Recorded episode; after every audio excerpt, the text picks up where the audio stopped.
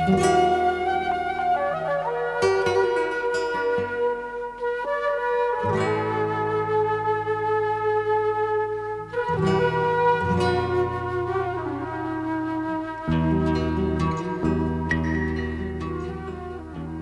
naar Gods plan.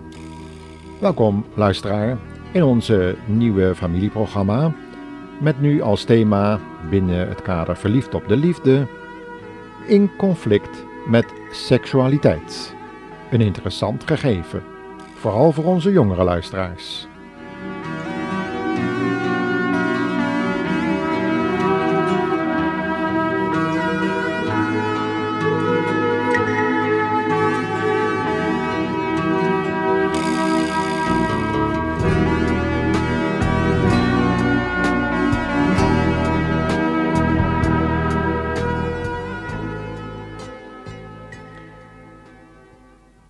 Ja, dit thema seksuele conflicten of conflict met seksualiteit is heel belangrijk in de gedachtegang van in problemen verkerende verliefde jonge mensen.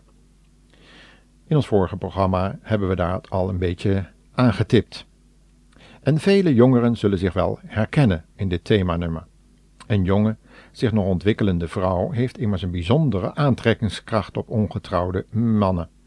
Het driftinstinct is dan ook een van de sterkste emoties in de menselijke natuur en laat zich bijzonder moeilijk ten onderhouden. Alleen jonge mensen die zichzelf hebben leren kennen, zoals Paulus in Romeinen 7 beschreven heeft, en waar we in ons vorige programma iets uit hebben geciteerd, zullen de toevlucht nemen tot de Heer Jezus, zoals dat dan ook in het einde van Romeinen 7 beschreven is door Paulus. We lezen daar in vers 24 en 25 dan ook het volgende. Wie zal mij verlossen uit deze vreselijke macht van de dood? Maar ik dank God. Er is een uitweg door Jezus Christus, onze Heer. Maar nog bitterder dan die reeds genoemde dood is de verleidende macht die een ongeestelijk of naïef meisje kan uitoefenen op een naar bevrediging zoekende jongeman. Prediker 7, vers 26 tot 28 zegt het zo. Ik ontdekte iets dat bitterder is dan de dood. Een vrouw die tot ontucht wil verleiden. Ze is een valstrik en een vangnet. Maar wie met God leeft, ontsnapt eraan. Maar zondaren raken wel in haar web verstrikt. Eén op duizend mensen kan als wijs worden beschouwd, maar onder hen bevond zich geen enkele vrouw.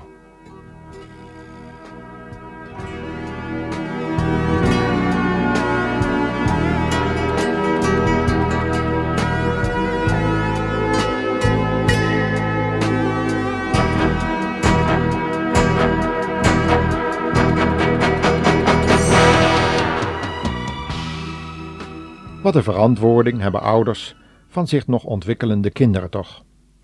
Als het er zo met de hartstocht voor staat, en dat één enkele blik of beweging van een meisje al voldoende kan zijn om het hart van een ongetrouwde, brandende jonge man in vuur en vlam kan zetten, wat moet er dan op kleding en gedrag gelet worden?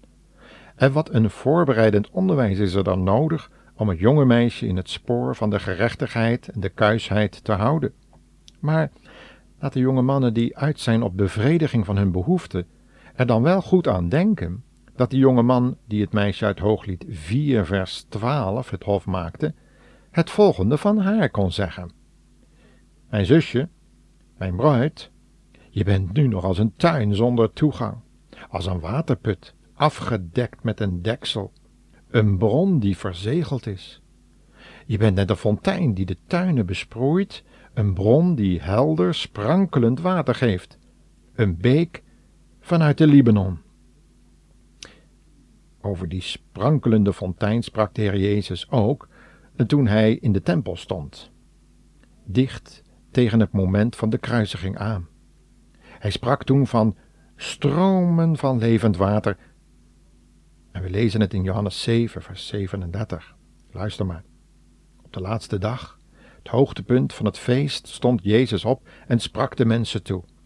Als u dorst hebt, kom dan bij mij om te drinken. Er staat geschreven dat stromen van levend water uit je binnenste zullen komen, als u mij gelooft.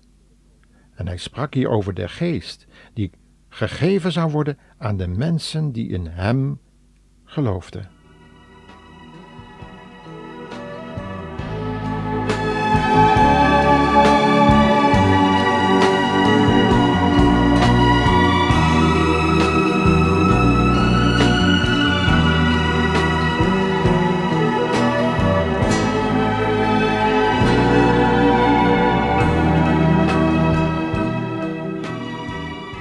Wat is het belangrijk dat jonge mensen zich door die geest van God laten leiden door een heel besliste keuze voor de Heer Jezus.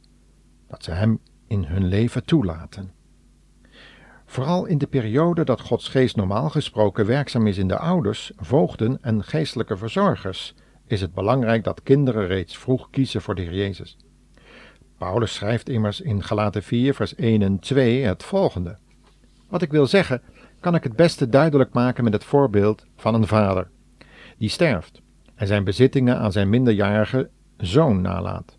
Zolang het kind minderjarig is, is het niet beter af dan een slaaf. Al zijn alle bezittingen van hem, hij heeft er pas wat aan als hij meerderjarig is. Hij moet doen wat zijn voogden en de beheerders van de erfenis hem zeggen. Pas als hij de leeftijd heeft bereikt die zijn vader in het testament heeft genoemd, mag hij met de erfenis doen wat hij zelf wil. En zo gaat het ook met de geestelijke erfenis die ieder kind van God ontvangt direct na de wedergeboorte. Maar dat betekent niet dat hij zo vlak na de bekering zo'n erfenis al goed kan beheren. Daarom is ook een pasbekeerde nog onder voogden en verzorgers gesteld, zoals ouders en oudsten van de gemeente waar hij lid van is. Stelt zo iemand zich door hoogmoed en eigen wijsheid niet onder dat gezag, dan zullen de gevolgen, evenals dat bij de Corinthiërs het geval was, zich spoedig laten gevoelen.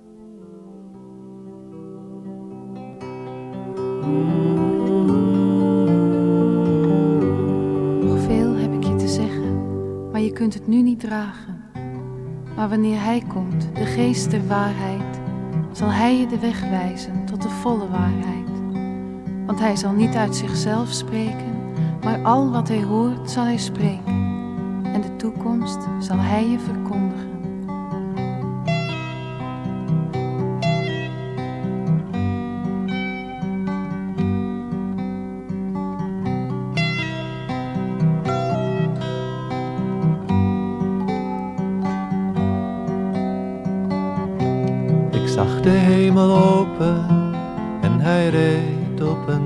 Paard. Met ogen als een vuurvlam en uit zijn mond een zwaard. En hij wierp de slang die al zo lang de vader van de leugen is. In de duisternis. Ben je klaar? Ben je klaar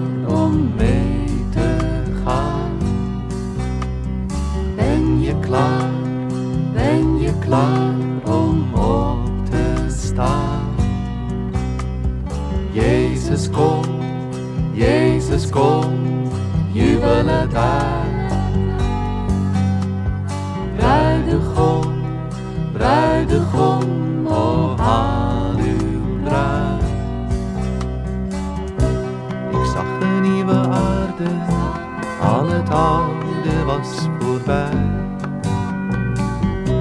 Ik zag een nieuwe hemel en de engelen zeiden mij. Zalig zijn zij die gewassen zijn met het bloed van Golgotha.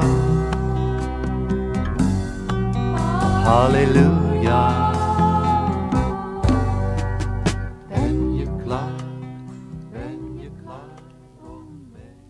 Een van de gevolgen van al die dingen die we zojuist gehoord hebben, dus hoogmoed en eigenwijsheid, kunnen een stagnatie in de persoonlijkheidsontwikkeling zijn. Als je namelijk pas op de weg van Jezus bent, heb je behoefte aan begeleiding. En God heeft in deze behoefte voorzien door herders, leraars en evangelisten te geven, die met name jongere en oudere mensen kunnen begeleiden op de weg naar zelfstandigheid. Paulus schrijft hierover in Efeze 4, vers 12 tot 16. Lees dat nog maar eens na. Wanneer jongere gelovigen echter geen gehoor geven aan de adviezen van oudere gemeenteleden, zoals leraars of herders, dan lezen we in Efeze 4, vers 17 tot 25 dat zij als onmondigen blijven. Ze worden heen en weer geslingerd met allerlei wind van leer, en zulke gelovigen worden dan ook dubbelhartig genoemd en zaaien veel verwarring. Je kunt dat lezen in Jacobus 1, vers 6 tot 9. Juist omdat de natuurlijke hartstocht in staat is de hele persoonlijkheidsontwikkeling in de war te gooien en te blokkeren, is het nodig dat we de Heilige Geest ontvangen, waar we in het lied over hebben gehoord. Alleen de Heilige Geest van God kan dit proces in harmonie met Gods gedachten laten verlopen. Het is immers een proces waar iedere jong bekeerde doorheen moet.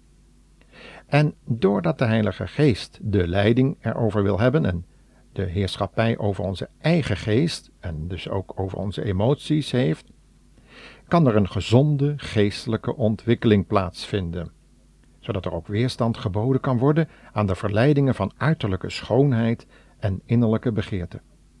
Het zondige element van de hartstocht behoeft niet over ons te heersen, schrijft Paulus in Romeinen 6, vers 12. Juist in dat gedeelte van zijn brief wordt er over de begeerte van de lichamelijke behoeften gesproken, die me al te vaak, soms zelfs onder een vrome dekmantel, worden gehoorzaamd. Maar wanneer we die begeerten herkennen en wanneer we ze niet gehoor geven, dan blijven we in het spoor. Het tegendeel, wanneer we dus ongehoorzaam zijn en aan die begeerte wel gehoor geven, dan ontwrichten we niet alleen onszelf en onze geestelijke ontwikkeling, maar ook de hele samenleving om ons heen. En in het bijzonder het geestelijk leven van degene met wie we samen in zee willen gaan en door wie we verleid worden of verleid hebben door onze toegevelijkheid en innerlijke wilszwakte. Wat zullen we nu doen? De toevlucht nemen tot de Heer Jezus en onze hulp van Hem alleen verwachten? Of toegeven aan onze hartstocht en daarmee twee persoonlijkheden ontwrichten en degenereren, waardoor studieresultaten verslechteren, de toekomstvisie wordt verengd tot het hier en nu en de ziel wordt gevangen in het net van de vogelvanger, de Satan. God wil de nodige zelfbeheersing geven die kun je lezen in Galaten 5, vers 22 als een vrucht van de geest.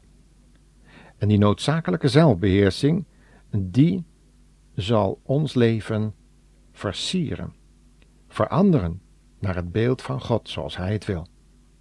En dat geldt ook voor de gehoorzaamheid aan het ouderlijk gezag, waaronder jonge mensen nog staan. Laten we ons daar niet aan onttrekken, want God wil met zijn geest en de bijbehorende vrucht zijn kinderen vervullen keuze is nou mijn jonge en ook dus de wel wat oudere luisteraar, want ook die kent deze problemen. Ben je klaar, ben je klaar om op te staan? Jezus komt, Jezus komt, jubelen daar. Bruidegom, bruidegom.